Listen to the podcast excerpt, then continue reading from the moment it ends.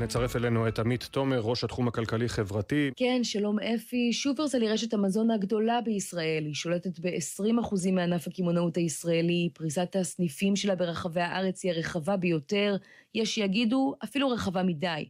כמחצית מהחנויות שמפעילה שופרסל הן בריכוזיות גיאוגרפית, כלומר יותר מדי סניפים צפופים, מה שדוחק את המתחרה מאותו אזור ופוגע בתחרות על כיסו של הצרכן. שטראוס היא חברת המזון השנייה בגודלה בישראל, שמחזיקה בנתח שוק של עשרה אחוזים משוק המזון כולו. מערכת היחסים בין שתי החברות הללו קרובה וארוכת שנים. מבדיקה מיוחדת שערכו עבורנו בלובי 99, הלובי הציבורי, עולה כי בסניפי רשת שופרסל נמכרים יותר מ-750 מוצרים שונים שמייצרת חברת שטראוס. מילקו 99, הון, שלטון ומה שביניהם. אהלן אריאל, מה שלומך? בסדר גמור, כרמל, מה שלומך? אני בסדר גמור. אמנם אתה אורח די קבוע בפודקאסט שלנו, אבל למעשה הפעם האחרונה שממש הצגתי אותך הייתה אי שם בפרק 4 שלנו. אז בוא לפני שנתקדם הלאה, תציג את עצמך מחדש, למי שככה לא זוכר כבר uh, מי אתה. אין בעיה. אז uh, אני אריאל פז סביצקי, בן 33, uh, אה, גר בירושלים.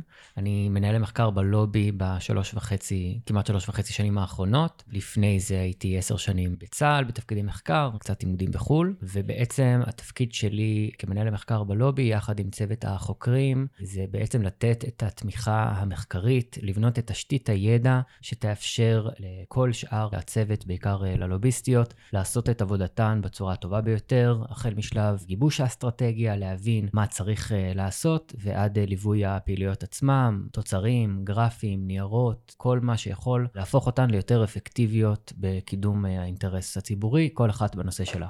בפרק הקודם שלנו, אנחנו דיברנו על מחאת מרד הפסטה, ובאמת על מה החשיבות שלה מול מקבלי ההחלטות. למדנו על ההתפתחות שלה משלב גיבוש הרעיון ועד ממש לעבודה המקצועית של לובי 99 מול שרים, חברי כנסת, רגולטורים, שבעצם המטרה שלה זה למנף את כל המחאה והגב הציבורי ש... שהיא בעצם העניקה לטובת אותם שינויים מבניים שאתה מדבר עליהם, שמחלקת המחקר תומכת אותם. כן. לצד כל הדברים האלה, לפני שיצאנו למחאה, התנהל מחקר שלם. בוא תסביר מה תפקידו בכוח. כן, באמת, אה, אז, אז נושא הצרכנות שנבחר לפני בערך אה, קצת פחות משנה על ידי חברי הלובי, אנחנו עוסקים בו מהזווית של אה, יוקר המחיה של, של שוק המזון. זה נושא שלא הכרנו לפני, גם אני וגם לוביסטיות, היינו צריכים ללמוד אותו יחסית מאפס. אז באמת הדבר הראשון שעשינו זה ללכת אחורה ולראות מה נעשה עד כה, מה הדיונים שהיו, מה המחקרים והדוחות והוועדות שהממשלה בעצם השתמשה בהם כדי לנסות להתמודד ביוקר המחיה. בתחום של המזון, ובעצם דרך הניתוח הזה של אה, מה נעשה בעבר, אנחנו הבנו מה עיקרי ההמלצות שלנו למקבלי ההחלטות כיום. בואו נדבר אז על מה שחקרתם ומצאתם, מה נעשה בעבר. כן, אז קודם כל, בבסיס העיסוק שלנו זה פערי מחירים. בעצם אנחנו רואים שיש פערי מחירים מאוד גדולים בין ישראל לבין העולם. זה ישראל, שוק המזון בישראל יקר ב-37% מממוצע ה-OECD, 51% מהאיחוד האירופי, כלומר, יש פה בעיה, ועכשיו השאלה היא מה המקור לבעיה. בשורה התחתונה אנחנו אומרים שהריכוזיות בשוק המזון היא בעיה מרכזית ומהותית ששומרת את מחירי המזון גבוהים. עכשיו אני רוצה לציין שלוש uh, נקודות מתוך המחקר שבעיניי משמעותיות. נקודה ראשונה זה פרסום של רשות ההגבלים העסקיים, מה שקרוי היום רשות התחרות. הם ב-2005 עשו uh, חקירת עומק בשוק המזון. שאנחנו ו... מדברים על התקופה של דרור שטרום. נכון, דרור, דרור שטרום. שטרום היה uh, הממונה על ההגבלים העסקיים באותה תקופה. בעצם הרשות uh, uh, תחתיו uh, חקרה לעומק את, uh, את שוק המזון, ובעצם הבינה שיש פה מערכת שלמה וסבוכה בין uh, ספקי המזון, תחשוב תנובה, אוסם, שטראוס, יוניליבר, לבין בין הקמעוניות הגדולות, שופרסל היא העיקרית, אבל יש אה, גם אחרות, מגה, עינות ביטן, אה, רמי לוי, היום מגה היא חלק מעינות ביטן. בעצם המון פרקטיקות אנטי-תחרותיות שבעצם אותם שחקנים גדולים נוקטים בהם כדי לדחוק במתחרים. זה יכול להיות איזה שהם הסדרי בלעדיות, זה יכול להיות סידור המדפים בצורה מסוימת, זה יכול להיות הסכמי יעדים שבעצם מתנים הנחות בזה שהסופרמרקטים ימכרו דווקא את היצרנים הגדולים, וזה דבר שמתמרץ את הסופרמרקטים לתפקד למעשה כמשווקים של הספקים הגדולים על חשבון המתחרים, הספקים הקטנים. כלומר, כמו שלמדנו בפרק הקודם, אם אני עכשיו ספק מאוד מאוד גדול, יש לי מוצרים של שוקולד ויש לי בגבינות ובחלב ובמוצרים היבשים, ואני בא אל הקמעונאי ובעצם אומר לו, אני נותן לך את הכל כאיזשהו סל משותף, את זה תקבל בהנחה, את זה אני רוצה שתמכור במחיר יקר יותר, זה תשים גבוה, זה נמוך. נכון, זה משתנה בין הקמעונאים, כי נגיד קמעונאי גדול כמו שופרסל, כן יש לו איזשהו כוח מול הספקים, לעומת המכולת השכונתית שכנראה אה, מכתיבים לה בדיוק מה החבילה שלה, לכן נגיד היום אנחנו רואים שלשופרסל כן יש את המותג הפרטי, שכן מייצר אה, איזושהי תחרות, אבל בגדול עדיין שופרסל שמה את הספקים הגדולים בקדמה ומקדמת ומשווקת אה, אותן, באמת בגלל אותו סל מוצרים שיש לספקים הגדולים. שכוללים גם מוצרים שהם must, שבעצם נותנים לספקים כוח מאוד גדול, אבל גם עוד שלל מוצרים אחרים שלאו דווקא טובים יותר, אבל בגלל שזה מאותו ספק גדול, אז בעצם הקמעונאים, רשתות הסופרמרקטים והמכולות מחויבים בעצם לקחת את המוצרים של הספקים הגדולים. אוקיי, okay, אנחנו נגיע בהמשך לעוד דוגמאות, אנחנו נעמיק בהן. אבל אמרת שזיהיתם שלוש נקודות. אז הנקודה הראשונה הייתה בעצם החקירה של רשות התחרות, רשות ההגבלים, מ-2005, שניסתה לקדם תחרות בנושא הזה. הנקודה השנייה בעצם זה ועדת קדמי. ועדת קדמי הייתה ועדה שהוקמה בעקבות המחאה החברתית. היא בעצם הייתה הפרק המזון מתוך כל, ה... כל העיסוק ביוקר המחיה. כלומר, בעקבות המחאה החברתית, אחרי 2011, נכון? כן. אם אני לא טועה, 2012. נכון, הדוח פורסם ב-2012, והוא בעצם רצה להתמודד עם יוקר המחיה בשוק המזון. הדוח הזה אומר שלמרות הפרסומים של רשות ההגבלים ב-2005, לא היה איזשהו שיפור, מידת הריכוזיות עלתה, המחירים עלו. הדוח הוא מאוד uh, מפורט, הוא מעל 150 עמודים. אני רוצה להתמקד בשני נתונים מתוך ועדת קדמי. הנתון הראשון הוא על בעצם ריכוזיות פר מגזר. זאת אומרת, אם מסתכלים על כל שוק המזון, אז נראה שהוא תחרותי. אתה רואה שנגיד תנובה, שהיא השחקנית הגדולה ביותר, היא שולטת ב-11.5% מכלל שוק המזון, שכביכול זה רחוק מאוד מלהיות מונופול בשוק המזון. אבל מה שקדמי עושים זה שהם לקחו נתונים פנימיים מתוך הסופרמרקטים והשווקים והשוו את זה לעולם, לראות ריכוזיות לא בכל שוק המזון, אלא בענפים ספציפיים. לדוגמה, בשוק מוצרי החלב. שלושת השחקנים הגדולים בשוק מוצרי החלב מחזיקים יחד 90% מהשוק. ניקח פה עוד דוגמה, משקאות מוגזים, גם שלושת השחקנים 90%.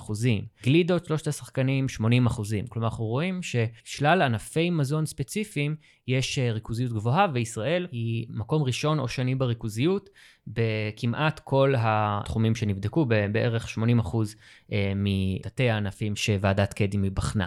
ומה התוצאה של זה? זה גם ועדת קדמי מציגה. התוצאה של זה, זה בעצם שהמחירים כל הזמן עולים, לא משנה מה קורה בשוק העולמי. נגיד, אם השקל מתחזק או יש ירידה במחירים עולמיים, היינו מצפים שזה יתגלגל לצרכן ונראה הוזלות. אבל מה שאנחנו רואים בפועל זה שהמחירים כשהעולם נהיה זול יותר, המחירים פה נשארים אותו דבר. לעומת זאת, כשהמחירים עולים, כמו שלדוגמה קורה בשנה האחרונה ובפרט בחודשים האחרונים עם המלחמה באוקראינה, כשהמחירים בעולם עולים, זה נותן תירוץ גם לספקים הגדולים וגם לרשתות הסופרמרקטים להעלות מחירים לצרכן ולא לפגוע לעצמם ברווחיות. בעצם אנחנו רואים שלא משנה מה קורה, המחירים רק עולים ועולים, וזה בעצם תולדה של שוק ריכוזי ולא תחרותי. ומה הוועדה ממליצה לעשות אל מול אותה עליית מחירים? יש איזושהי שורה תחתונה? כן, אז הוועדה עשתה כמה דברים. אחד מהם שאנחנו מאוד uh, בעד זה בתחום של השקיפות, היא בעצם קבעה צו שקיפות מחירים בתחום המזון. שמה הוא אומר? Uh, שהוא בעצם חייב כל סופרמרקט, רשת גדולה, לפרסם כל יום את כל המחירים בכל הסניפים שלהם. החלק הבא של השיח בעצם יהיה על פרויקט הדאטה שמבוסס על אותו צו, אבל uh, אני ארצה לדבר על חלקים אחרים מחוק התחרות במזון. דיברו על uh, כלים נוספים שניתנו לרשות התחרות, מגבלות שחייבו את הסופרמרקטים לייחד שטח במדפים בסופרמרקטים גם ליצרנים קטנים. בעצם הם קיוו שדרך זה שהם ידחפו את, ה, את הספקים הקטנים, בעצם תיווצר תחרות וירדו מחירים. אבל זה מוביל אותי לנקודה השלישית במחקר, וזה הדוח של מבקר המדינה מלפני שנה, ממאי 2021, שבגדול מה שהוא אומר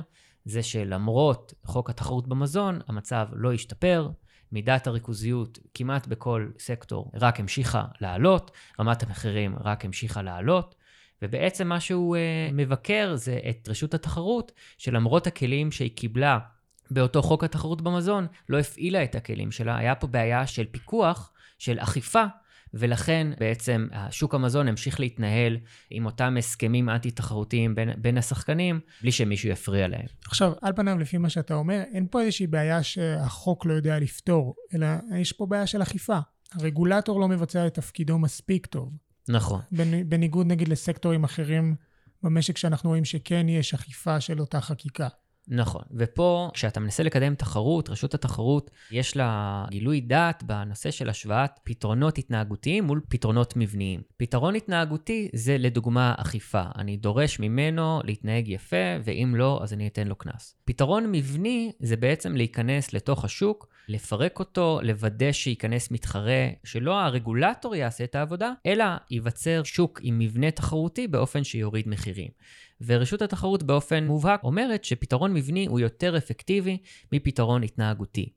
אנחנו לוקחים את אותה המסקנה שהם אומרים באופן כללי, ומיישמים, והופכים את זה להמלצה לשוק המזון. אנחנו בעצם אומרים, היה לכם פתרון התנהגותי של להגדיר להם כל מיני כללים, ואם הם יחרגו מהם, אז רשות התחרות תיתן להם קנס. זה לא עבד. כנראה שתקשיבו לעצמכם, ורגולטורים, אנא תקדמו פתרון מבני שבעצם ייצור תחרות בתוך שוק המזון. אפשר באמת להשוות את זה לשוק הסלולר, שהכניסו את גולן טלקום, שיצרו תחרות. בתחום הבנקים הפרידו... שגם, את... זה לא שהמדינה הכניסה ספק חדש, היא בעצם אפשרה לו, היא נתנה לו כלים מבניים. נתנה כלים. להתמודד ו... מבחינת תקלות רגולטוריות. זה בעצם רגולציה שמאפשרת תחרות. זה לא תחום מומחיות שלי, אבל בעצם הגדירו דרך איך שהם עשו את מכרזי התדרים, הם הצליחו ליצור סיטואציה שייכנס גולן טלקום כשחקן מתחרה. אפשר גם להשוות את זה לשוק הבנקאות, שגם הפרידו את uh, כרטיסי האשראי וגם יצרו רגולציה שתאפשר הקמה של בנקים חדשים, לדוגמה הבנק הדיגיטלי,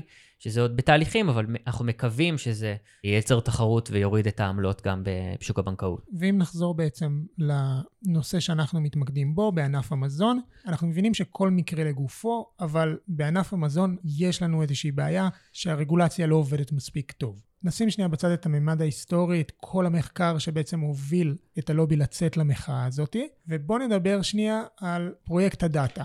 מה זה הפרויקט שבעצם מחלקת המחקר של הלובי פיתחה במסגרת המאבק? אנחנו כבר מדברים על תקופת המאבק עצמו, תקופת המחאה, ולא על השלב המקדים, נכון?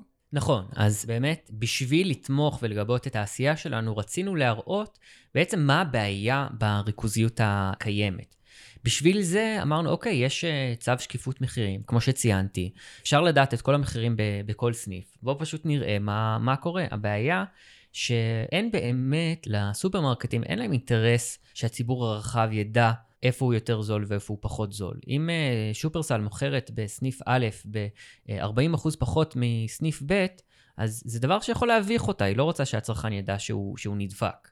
אה, שאגב, אנחנו ראינו את הסיפור עם האתר של הקניות במגזר החרדי לעומת החילוני. נכון, אז שם, בגלל ש, שהאונליין הוא באמת נגיש לציבור, אז הציבור ראה שהאופציה של המהדרין הייתה משמעותית יותר זולה מהאופציה של, אה, של שופרסל אונליין הרגיל.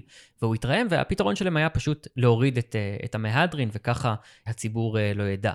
אבל בעצם דרך הנתונים, שבעצם הם מעלים אותם, אני לא רוצה יותר, להיכנס יותר מדי לצד הטכני, אבל בגדול הם מעלים את זה בקבצים מאוד לא ידידותיים למשתמש, לא משהו שאדם יכול להיכנס לאתר של שופרסל ולדעת מה המחירים בכל סניף. אז היינו צריכים, גם נעזרנו במתנדבים, מתכנתים, ובעצם בנינו איזושהי מערכת שמורידה את הקבצים ממשהו כמו 500 סניפים של שופרסל בכל מיני רשתות. מעבדת אותם, מזרימה אותם לדאטאבייס, ונותנת לנו בעצם את היכולת לעשות ניתוחים שיגבו וילוו את הפעילות שלנו להוריד את המחירים. אז אני מבין ממך שאני לא יכול סתם להיכנס ולעשות השוואת מחירים על בסיס הנתונים האלה. אתה לא יכול לעשות את זה דרך הממשקים של אה, הסופרמרקטים עצמם, אבל בגלל שאנחנו בעצם העלינו את כל הדאטה הזה לאינטרנט, ונשים אחרי זה קישור בהערות, כל אחד יכול להיכנס ולגשת לדאטאבייס שאנחנו יצרנו, ואומנם הוא לא אה, מוחלט, הוא לא שלם, אבל הוא כן אה, יחסית עשיר בדאטה. יש פה היום משהו כמו 6, 6 מיליון רשומות של מחירים מבערך 500 סניפים. איך כל זה אפשרי? למה שהסופרמרקטים בכלל ידווחו את כל המחירים האלה? כן, אז שוב, לסופרמרקטים עצמם אין אינטרס לעשות את זה, אבל אותו חלק שאנחנו מאוד אהבנו בחוק uh, תחרות במזון, הוא היה בעצם חובת שקיפות מחירים לכל רשתות הסופרמרקטים, שמחייב אותם להגיד כל יום מה המחירים, על כל מוצר להגיד מה המחיר, מי היצרן, מדינת הייצור, עוד, עוד כל מיני פרטים שהם מחויבים לפרסם. אגב, אני אגיד שיש גם uh, חברות עסקיות שמנצלות את המידע הזה, לדוגמה פרייסז ומיי סופרמרקט, הם בעצם מאפשרים לעשות uh, השוואות מחירים לצרכנים שמנסים להשוות איפה כדאי להם לעשות קניות, וזה באמת, באמת uh, המטרה העיקרית של זה. אבל אנחנו השתמשנו בזה כדי לעשות ניתוחים יותר מורכבים. נגיד, אני רוצה לדעת האם באמת יש פה העדפה של הספקים הגדולים על פני המתחרים הקטנים. ואז אתה רואה, נגיד אה, יש לי פה כמה מהממצאים שלנו. לדוגמה, בתחום של אה, ירקות קפואים, אז אפשר לראות שהשעועית הירוקה של סנפרוסט, שסנפרוסט היא מונופול בתחום הירקות הקפואים והיא בבעלות תנובה, נמצא ב-55 מתוך 70 סניפי שופרסל שנבחנו בנקודה הזאת. לעומת זאת, שעועית ירוקה של בלאדי נמצא רק בסניף אחד. וה... ומן הסתם המחיר של בלאדי בטח יותר נמוך מסמפרוס. 800 גרם של בלאדי, 8.9 שקלים, 8 שקלים 90 אגורות, ושל סנפרוסט, 18 שקלים בממוצע. כלומר, הם גובים מחיר אה, פי 2 במקרה הזה. עוד דוגמה, קטשופ של אוסם, שנמכר בכמעט ב-69 מתוך 70 אה, הסניפים ש, שבדקנו. המחיר לקילוגרם הוא 13.85 בקטשופ של אוסם, לעומת זאת קטשופ מיטב, המחיר הוא 7.90, והוא גם נמכר רק בסניף אחד. יש פה אה, סכיני גילוח אה, של ג'ילט ביבוא דיפלומט שעולים 81 שקלים, הם נמצאו ב-20 סניפים, לעומת זאת סכיני גילוח של אריסטוקרט שעולים 8.5 אה, שקל, נמצאו רק בשלושה סניפים. אנחנו רואים פה איזושהי מגמה חוזרת שהספקים הגדולים הם נמצאים בפריסה הרחבה ביותר, גם אם הם היקרים ביותר, ובעצם ככה הציבור ישלם מחירים גבוהים יותר. וזה משהו אקראי? הכמויות האלה? זאת אומרת, שופרסל לצורך העניין עושה את זה בצורה מכוונת, או שזה... בגדול אנחנו רואים שלשופרסל יש כמה רמות של סניפים, יש להם, אה, הסניף היקר ביותר הוא שופרסל אקספרס, שופרסל שלי הוא השני והוא די קרוב, שופרסל דיל הוא באמצע, והזולים יותר זה האופציות החרדיות. בגדול, המותגים המוכרים של הספקים הגדולים הם נמצאים בעיקר, אתה תראה אותם יותר בעקביות בסניפים היקרים יותר, שופרסל שלי, שופרסל אקספרס, והאופציות הזולות ביותר הם בעיקר יהיו בסניפים החרדים, אבל זה לא חד משמעית. עוד אה, דוגמה אחת שאנחנו עשינו, החלטנו שאנחנו עושים מעקב מחירים, בחרנו 100 מוצרים שאנחנו עכשיו הולכים להתחיל לעקוב אחריהם. עשינו את זה החל מינואר 2022, ובעצם דרך המעקב הזה אנחנו זיהינו שקבוצת מוצרים של חברת שסטוביץ', היבואנית של קולגייט והמשווקת של קפה לנדוור, מתוך uh, המאה מוצרים שבדקנו, היו כמה מוצרים שלהם שהעלו מחירים, אז העלינו על זה פוסט, זה דבר שמאוד לא אהבו בשסטוביץ', הזמינו אותנו, הגענו לפגישה, הם ניסו לשכנע אותנו שלא ככה הדבר, אבל בסופו של דבר אנחנו... השתכנעתם שזה רק לא, אנחנו בסוף, אה, גם אם הם אומרים לנו שלא דייקנו בנתונים, אנחנו בסוף מתבססים על נתונים גולמיים, על מה, מה בסוף רואים בסופרמרקט עצמו. ואם אתה רואה שיש פה קבוצת אה, מוצרים אה, של ספק ספציפי שעולה, אז זה מבחינתנו מצדיק להרים דגל ו- ולהצביע עליהם שהם מעלים מחירים, ובאמת, כמו שלינור הסבירה בפרק הקודם, באמת העניין הזה של השיימינג הציבורי, של אה, עכשיו כל הציבור פוקח עין ומסתכל עליכם, שאתם אה, רוצים להעלות מחירים, זה דבר שהוא מאוד אפקטיבי, ולכן הסיפור הזה של המעקב מחירים הוא הולך להימשך, ואני גם אגיד שהוא כבר לא יהיה על רק 100 מוצרים, הוא יהיה משהו הרבה יותר רחב, הרבה יותר uh, שלם. באמת, אנחנו מתכוונים להמשיך לעקוב ו- ולדעת כשספק כזה או אחר uh, מעלה מחירים. אגב, אנחנו היום ב... כבר אחרי פסח, עכשיו זה בעצם הזמן שאנחנו צופים לעליית מחירים משמעותית, ולכן אנחנו מתכוונים ל- לעשות דגימות... אה, מעקב מקיף יותר. כן, אה, דגימות אה, רחבות ומעמיקות עכשיו, כדי לראות באמת אם החשש מתגשם. נראה לי שאין שאלה מתאימה יותר עכשיו ממה עושים עם כל זה. כן, אז, אז באמת המידע הזה הוא משמש, כפי שאמרתי, גם כלפי חוץ. אנחנו עושים פוסט שמראה שספק כזה או אחר מעלה מחירים, ואנחנו רואים שזה נוגע בהם, זה משפיע עליהם. פוסט זה אחלה, כן? אבל... ו- ואני אומר את זה בתור אחד שמתעסק עם הפוסטים בלובי, אבל מעבר לפוסט, אני מאמין שיש לדאטה הזה ערך הרבה יותר משמעותי. בטח, מעבר אז- להנגשה אז, לציבור. אז ב, בכל הניירות שלנו ל- למקבלי החלטות, למשרד האוצר, כנסת, וגם בהצגות לתקשורת, כשעולה מירב דוד להציג בתוכנית חיסכון את פערי המחירים, בעצם זה דבר שנובע מתוך אותו מחקר, אותו מעקב מחירים ו- ומאגר שאנחנו אה, יצרנו ב- במחלקת המחקר. עגלת הסופר שלנו כבר מזמן הפכה לערימה של מותגים יקרים. אם תנסו למצוא את האלטרנטיבות הזולות יותר, תגלו שזה כמעט בלתי אפשרי. שלום למירב דוד, סמנכ"לית לובי 99. שלום, קרן. אז מה הבעיה בעצם? שגם כשאנחנו רוצים אולי לנסות לקנות מותגים יותר זולים, אנחנו לא- לא, נמצא לא אותם על? המדף. רשתות השיווק בעצם מנהלות מערכת יחסים מאוד מאוד הדוקה עם ספקי המזון הגדולים, אוסם, תנובה. אלה ספקי המזון שיש להם רשימה מאוד מאוד ארוכה של מותגים מאוד מאוד חזקים.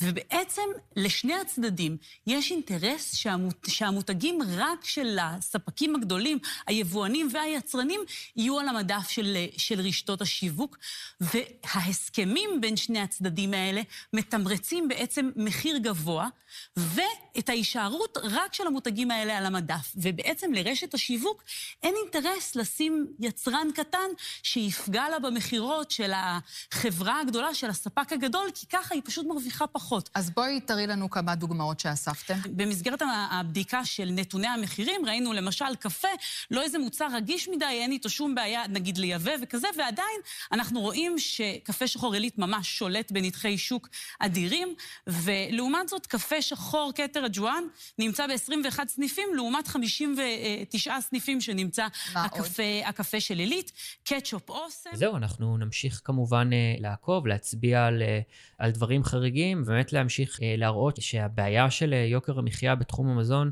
לא נפתרה, וגם אם קשב הציבורי, אולי הפוקוס עכשיו לא מה שהוא היה בתקופת המחאה לפני כמה חודשים, אבל הבעיה לא, לא נפתרה, ואנחנו נמשיך לספק את הדאטה שישמור את הסיפור הזה ב, על סדר היום, עד שהצרכן הישראלי ייהנה ממחירים תחרותיים ומוצרים איכותיים. בוא נדמיין שאני אנליסט צעיר, ואני עכשיו אה, ניגש לדאטה שפרסמנו, שהלובי פרסם. מה אתה בתור מנהל המחקר של הלובי מדמיין, חושב, רוצה?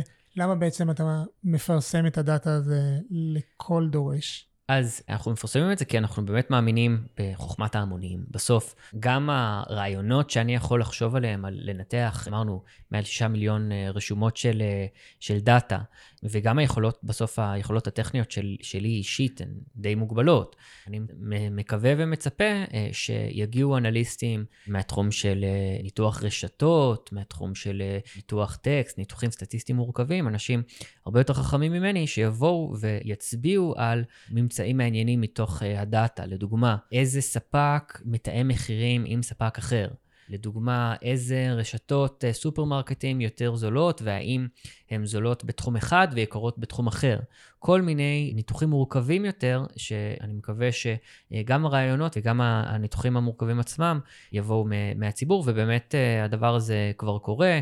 יש לנו uh, קבוצת uh, אנליסטים מתנדבים שככה נתנה עבודה, יש כבר אחד בשם הראל שעשה ניתוח מאוד מאוד מעניין, שמצביע על פערי מחירים בין, בין רשתות הסופרמרקטים, לדוגמה. שאושר עד היא הזולה ביותר מבין שש הרשתות שאנחנו מצאנו. מה שנקרא, עוד נראה פרסומת בטלוויזיה כזה, מחקר לובי 99 מצא, אושר עד, הזולים ביותר. כן, אז... או אז... משהו כזה כמו שהם אוהבים תמיד... אה, אני לא חותם על זה, אבל זה ממצאים מעניינים של, של אה, אנליסט מתנדב ש, שעבד על הנתונים שלנו, ואנחנו כמובן נשמח שעוד אנשים יבואו, שיתפתח שיח, שנסתכל אחד על הממצאים של השני, ובאמת בואו בוא נשתמש בדאטה הזה בזכות אה, אותו סעיף חשוב בחוק התחרות במזון, שנותן לציבור את הדאטה, אמנם לא בצורה מספיק טובה, אבל בזכות ההנגשה שעשינו במחלקת המחקר, עכשיו כן, אנליסטים יכולים לבוא ולהצביע על כשלים בשוק המזון, על בעיות ופערי מחירים, באמת אה, לטובת הציבור הרחב. טוב, ממש לפני סיום, בואו נדבר על המשאבים שדרושים לפרויקט כזה במסגרת הלובי. אז uh, בסוף את uh, רוב העבודה uh, אני עושה uh, כן בתמיכה של uh, של מתנדבים. אני גם אה, במקרה עשוי למישהי מאוד חכמה שהיא דוקטורנטית למדעי המחשב, שככה עוזרת לי בחלק של התכנות, ובאמת, אה, באמת ללוג 99 יש יתרון כ... כארגון אה, מיזם חברתי של דמוקרטיה השתתפותית, יש לנו יתרון של אה, מתנדבים מדהימים ו, ומוכשרים, שעוזרים לי, עושים חלק מה, מהתכנות, שעוזרים לי בהכוונה. כל העשייה אה, המחקרית הזאת היא מבוססת על uh, המודל של לובי 99, המודל של מימון המונים, שבעצם החברים, אותם uh, 9,000 פלוס חברים במיזם שמשלמים כל אחד כפי יכולתו כל חודש, זה בעצם מה ששלם את, בסוף uh, את המשכורות של כולנו ומאפשר לנו לעשות את המחקר, את הניתוחים האלה, למען uh, הציבור, במקרה הזה למען צרכני המזון, ובדומה לכל תחומי העיסוק של הלובי, הכל מתאפשר אך ורק בזכות חברי המיזם. וזו ההזדמנות אולי לקרוא לכל מי שמאזין ועדיין לא חבר במיזם, להצטרף ללובי 99, להציע עוד נושא שבא לו שנטפל. ואולי גם זה יגיע למחלקת המחקר של אריאל, ומי יודע, אולי אה, תצא מפה עוד מחאה, או עוד הורדת מחירים, או עוד איזשהו חוק חדש ומעניין. אני בעד, אנחנו עובדים על זה, ונשמח להמשיך לגדול ולהתעצם, כדי שנמשיך אה, ונגדיל את הפעילות שלנו למען הציבור. אריאל, תודה רבה. תודה, כרמל. כרגיל היה פה. מרתק מאוד. נאמר תודה גם לכם, המאזינות והמאזינים שלנו, ואני אנצל את ההזדמנות הזאת כדי לקרוא לכם לדבר איתנו, לספר, להציע וללמד אותנו דברים חדשים. מי יודע, אולי יצא מזה פרק. אנחנו זמינים בכל פלטפורמה שתעדיפו, החל ממייל ועד לסרטון טיק טוק, נסו אותנו. אם אהבתם את הפרק, אז דרגו אותנו באפל, ספוטיפיי או כל אפליקציה אחרת שמאפשרת דירוג חמישה כוכבים, לא פחות. תשאירו תגובות, וכמובן, שתפו הלאה את הפרק. משפחה, חברים, והפעם גם לאנליסטים. מי יודע, אולי הם יצטרפו. יאללה ביי. מילקו 99, הון, שלטון ומה שביניהם.